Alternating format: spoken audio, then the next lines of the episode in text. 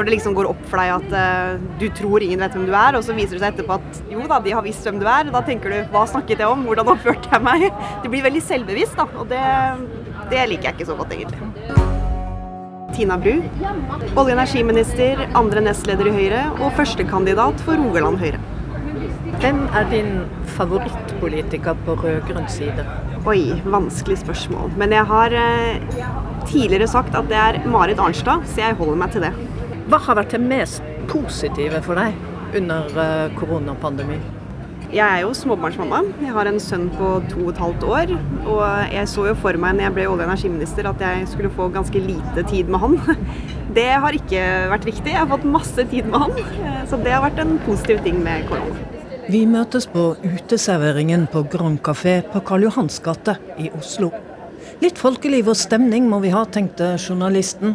Og det er ikke bare litt folkeliv når sol og sommer treffer en fredag ettermiddag i hovedstaden.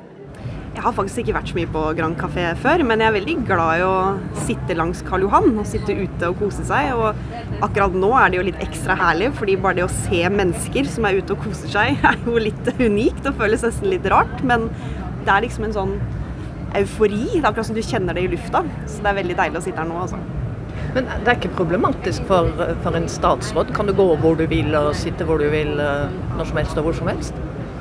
Ja, så lenge jeg holder meg innenfor reglene og anbefalingene som gjelder nå under eh, koronapandemien, så kan jeg jo det, og det gjør jeg jo også. Men jeg har jo lagt merke til at eh, til forskjell fra hvordan det var før, da, så er det jo oftere nå sånn at hvis jeg er ute et sted, så er det stor sjanse for at noen kjenner meg igjen og kanskje kommer og forteller meg hva de tenker på, eller noe de syns jeg bør få vite. Det skjer oftere nå enn før. Hva syns du om det? Litt både òg. Altså, det er alltid hyggelig, så sånn sett så gjør det ingenting. Men, men jeg er jo egentlig en person som Altså, det å være en offentlig figur er ikke det beste jeg liker med politikken, egentlig. Jeg liker å jobbe med politikk, men det som følger med i det å være en offentlig person, bli gjenkjent, det er ikke noe jeg egentlig trakter etter. Så det er litt sånn når det liksom går opp for deg at uh, du tror ingen vet hvem du er, og så viser det seg etterpå at jo da, de har visst hvem du er. Da tenker du hva snakket jeg om, hvordan oppførte jeg meg? Du blir veldig selvbevisst, da, og det liker jeg ikke så godt, egentlig. Her vi sitter nå, så har vi eh, utsikt til Stortinget. Og sånn som målingene ser ut nå, så ser det ut som det skal bli din eh, neste arbeidsplass. Hva tenker du om det? Altså, jeg har vært på Stortinget i syv år før jeg ble olje- og energiminister, og det er veldig, veldig, fin sted, veldig fin sted å jobbe. Så eh, det skal nok gå bra hvis det er det som skjer, men samtidig så så ikke målingene sånn kjempepositive ut på denne tiden i 2017 heller, og allikevel så vant vi valget. Så jeg har alle intensjoner om at vi skal vinne valget, og at jeg forhåpentligvis kan fortsette som statsråd. Oljeboring er et politisk minefelt. Høyres regjeringspartner Venstre går inn for at det må bli slutt på nye olje- og gasslisenser. Også KrF vil stramme inn. Det er ikke aktuell politikk for Høyre, og like før sommeren la regjeringen fram en stortingsmelding som slår fast at tildeling av nye leteområder skal fortsette. Oljeinntektene finansierer velferden, sier Tina Bru den gode skolen, sykehusene, veiutbygging osv. Eh, men vi er jo forberedt på en framtid hvor etterspørselen etter olje og gass kommer til å gå ned. Det er jo det man jobber for også globalt nå, å få til for å nå målene i Parisavtalen. Da må vi bruke mindre fossil energi. Og så vet vi jo at eh, norsk sokkel er nå i en mye mer moden fase enn det som var tilfellet før. Vi forventer jo at produksjonen kommer til å falle med opp mot 65% innen vi er i 2050. Eh, og vi fører jo en aktiv politikk eh, innenfor rammene av klimapolitikken for å nå de eh, målene, også når det gjelder olje og gass. Så vi jobber for å kutte utslipp på sokkelen. Vi har høy CO2-pris på utslipp der, og omstillingen kommer også på sokkelen. Det er det ingen tvil om. Men samtidig så bruker vi jo ganske mye penger, f.eks. i det skatteforliket som var nå i forbindelse med koronaen. Er du overhodet ikke engstelig for at vi legger veldig mange egg i én kurv. Vi bruker jo ikke penger på dette. Dette er jo penger som kommer tilbake i form av skatteinntekter. Og stort sett så betales også prosjektet på sokkelen ned veldig raskt, og så går det bare i pluss. Eh, og vi har robuste prosjekt på norsk sokkel. De tåler også en ganske lav oljepris for å være lønnsomme. Men dette er jo noe vi må være opptatt av hele veien. Men nei, jeg frykter ikke at vi skal bygge ut ting på norsk sokkel som ikke er lønnsomme, eh, og som blir tapsprosjekt for eh, AS Norge. Det har jeg ingen tro på. Og oljeselskapene er like opptatt som det vi er av å også tenke over og se på utviklingen innenfor klimapolitikken. Hva de tror om framtidens oljepris. Men det er nå engang sånn at eh, fortsatt så bruker verden mye fossil energi. Det kommer man til å gjøre i mange år fremover, eh, også etter vi har nådd målene i Parisavtalen. Og da er jo spørsmålet hvem skal få lov å være med å levere til det markedet. Og jeg mener at norsk sokkel er godt posisjonert til å gjøre det, fordi vi har lave utslipp. Vi skal ha enda lavere utslipp i framtida. Og vi har robuste prosjekt som tåler en ganske lav oljepris. Havvind er en annen industri statsråden gjerne snakker varmt om. Hun avviser kritikken som handler om at regjeringens satsing er for lite ambisiøs, og at Norge kan havne bakpå. For havvind kan bli stort. Ikke like stort som olje og gass, men viktig for Norge. Olje og gass er jo superlønnsomt på en måte som eh, det er kanskje litt vanskelig for andre næringer å konkurrere med. Men gitt det energibehovet verden har, som bare er voksende, og ikke minst det energibehovet man har på det som er fornybart, så kan havvind ha en, en, stor rolle å spille i det. Og da kan vi være med eh, og levere den eh, energien til en verden som etterspør det. Og vi òg bruker jo stadig mer fornybar kraft, bl.a. for å kutte våre egne utslipp her i Norge. Så at det kan bli stort, absolutt, men det vil jo være i stor grad også en eksportnæring for Norge. Det er jo mitt mål, at vi skal kunne levere varer, tjenester inn i den verdikjeden globalt. Eh, fordi vi er veldig gode på dette fra før. Vi har masse kompetanse på dette takket være våre petromaritime næringer og de mulighetene som ligger der. Det har vært, det er mye motstand mot uh, vindkraft på land, og du har spådd at uh, det kan bli kanskje enda mer motstand mot havvind. Hva er det du tror kan skje? Så jeg tror det er viktig å trekke på de erfaringene vi har gjort oss med vindkraft på land, hvor det var et veldig veldig politisk driv for å få mer utbygging av vindkraft på land på tvers av alle partiene. Og Det er litt der vi også nå er med havvind. Så hvis vi ikke gjør dette på riktig måte, og ikke sørger for å, å ha med folk underveis i prosessen, og at vi sikrer f.eks. god sameksistens da, mellom en voksende havvindnæring og de andre næringene som også eh, bruker og benytter seg av havet, så vil vi mislykkes. Og Derfor har vi også lansert eh, et samarbeidsforum for havvind, hvor vi skal samle interessenter, samle aktører, eh, for å også være i forkant av konfliktene som kan oppstå. Men det er viktig å huske på at nesten all energiutbygging er konfliktfylt. Det har alltid vært konflikt. Det er kanskje noen som ikke husker det så godt nå lenger, men Alta-utbyggingen i sin tid f.eks. og den store vannkraftutbyggingen i Norge var også veldig konfliktfylt. Så her må vi egentlig bare sørge for gode prosesser. Vi må sørge for å involvere de som blir berørt, for å få dette inn på et godt spor, sånn at vi ikke får den backlashen som vi jo har fått med vindkraft på land. Så det handler bl.a. om hensynet til natur og naturressurser versus uh, kraftbehov og klima. Syns du det er en vanskelig balansegang sjøl? Det er en vanskelig balansegang, fordi uh, jeg tror ikke det finnes noen som ikke er for at vi skal ta bedre vare på naturen vår, eller som ikke er bekymra for det arealpresset vi også ser. Men samtidig så skal vi nå noen klimamål hvor vi vet at den fremste tingen vi har for å få til det, er mer fornybar energi. Eh, og da må man også produsere mer fornybar energi. Du må ha et nett som får den energien fram dit den trengs. Og det igjen fører ofte til naturinngrep.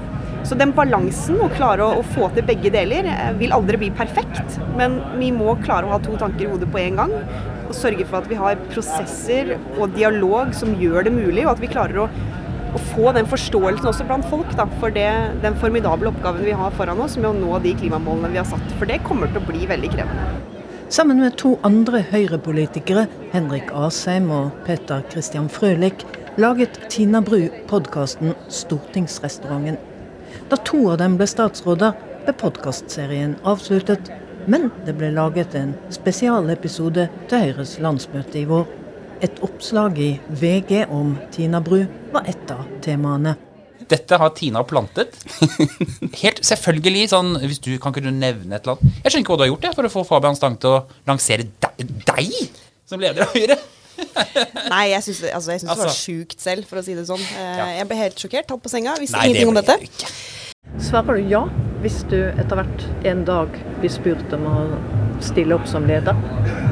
Jeg har aldri lagt en plan i politikken for hva jeg skal gjøre etter det jeg gjør nå, og jeg har ikke tenkt å begynne med det. Eh, jeg syns det er litt sånn fascinerende at hver gang man får et verv i politikken, så begynner alle umiddelbart å spørre deg ja, hva er neste? Hva er neste ting du skal gjøre? Og jeg skjønner jo at den debatten kommer, jeg er nestleder i partiet. Eh, men dette er ikke en debatt i Høyre nå. Altså, Erna Solberg er vår partileder. Hun kan være det så lenge hun vil, og jeg har planer om at hun skal være det kjempelenge. Så, så dette er ikke noe jeg går rundt og tenker på. Jeg skjønner at du ikke går rundt og tenker på det, men du må jo ha tenkt inn i hodet ditt på det likevel. Jeg er jo ikke den første som stiller det spørsmålet, og du er nestleder. Det er helt sant, jeg får det spørsmålet hele tiden. Men når jeg sier jeg ikke går rundt og tenker på det, så nei, da går jeg ikke rundt og tenker på det. Eh, jeg har det kjempefint som nestleder i partiet. Jeg syns det var veldig, veldig stas å, å, få tilliten til å gjøre den jobben. Og jeg tenker at nå må jeg gjøre den jobben der bra. Og så får vi se hva fremtiden bringer. For i det å ikke legge noen planer, så betyr faktisk det at man ikke legger noen planer. Man må se. Og det å være i politikken, det er et tillitsverv du har så lenge du har det, og så har du det plutselig ikke lenger. Så jeg tror det å planlegge for en karriere i politikken, det er litt, uh, litt dumt. Og du kan fort bli skuffa òg, så jeg tror det er bedre å bare gripe hver dag som den kommer, jeg. Ja. Men når du sier du ikke har planer, betyr det også at du ikke har ambisjoner? Nei. Fordi jeg har jo åpenbart ambisjoner. Jeg har jo takket ja til de mulighetene som har kommet min vei. Og det er jo, hvis jeg har noen plan overhodet, så er det jo det. Altså jeg lærte meg for lenge siden at selv om jeg ofte, eh, og det ligger kanskje til min personlighet, da, at jeg, når jeg blir spurt om ting, så har jeg en tendens til å først tenke nei, det vil jeg ikke. Og så lærte jeg meg at det må jeg slutte med. Jeg må heller bare si ja når jeg får spørsmålet. Og det er det jeg har gjort så langt i politikken. Det har funket ganske bra. Og det kan vel kalles å ha ambisjoner, for å si det sånn. Og det er det jeg kommer til å fortsette med. Jeg kommer til å gripe mulighetene som de kommer, eh, så lenge jeg føler at det er rett valg for meg. Du har vært med lenge i politikken, både lokalt og på Stortinget og nå som, eh, som statsråd. Men hva var det som fikk deg til å gå inn i politikken, til å bli politiker? Det, det, var egentlig litt sånn tilfeldig. Altså Valget av parti var ikke tilfeldig. Eh, fordi eh, jeg fant Høyre eh, som parti når jeg var 19 år og skulle stemme for første gang. Og da, det tok jeg veldig, veldig seriøst. Så jeg liksom gravde meg ned i alle de forskjellige partiprogrammene for å prøve å finne ut ok, hvem er jeg mest enig med. Og det var sånn jeg havna på Høyre. Men på det tidspunktet så var jeg nyinnflytta til Stavanger. Eh, jeg hadde ingen venner. Jeg hadde ikke jobb, jeg hadde ikke studier. Så jeg var litt sånn Jeg trengte å få meg et sosialt miljø. Og dette var jo i valgkampen i 2005. Så etter at jeg meldte meg inn i Høyre fordi jeg skulle stemme på det partiet, så bare tusla jeg ned på Høyres hus i Stavanger og meldte meg frivillig i valgkampen der. Litt òg ut av et sånn sosialt behov. og det funka veldig bra, for å si det sånn. Jeg fant et fint miljø der, og det er nok det som gjorde at jeg ble værende. Eh, og så har det bare ballet på seg fra der. Du gikk kraftig ut mot uh, hetsing og trakassering av Lan Marie Berg i sosiale medier. Stemmer det at du selv er blitt mer forsiktig etter hvert i sosiale medier? Altså at du legger ut mindre?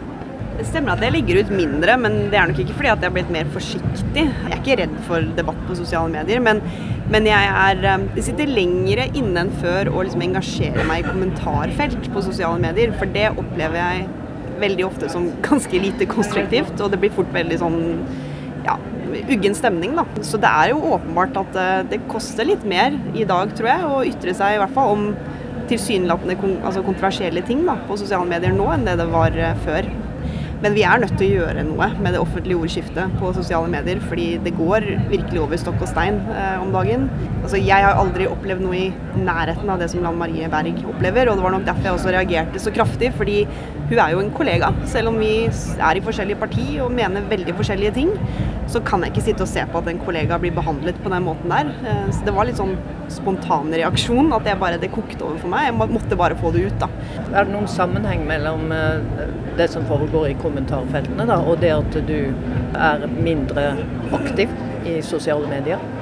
Nei, ikke på min, mine egne sider. Det henger nok bare sammen med at jeg har liksom gått over fra å være en som skrev mye sjøl, til å bli litt mer sånn kikker. altså, jeg er mye på sosiale medier og følger mye med.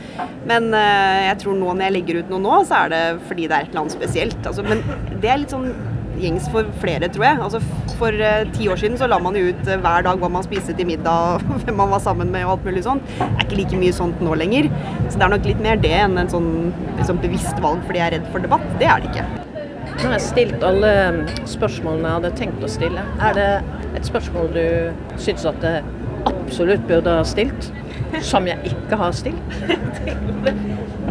Nei, egentlig ikke. Nei, altså det du ikke har spurt meg om er jo uh, hvorfor Høyre bør vinne valget, men det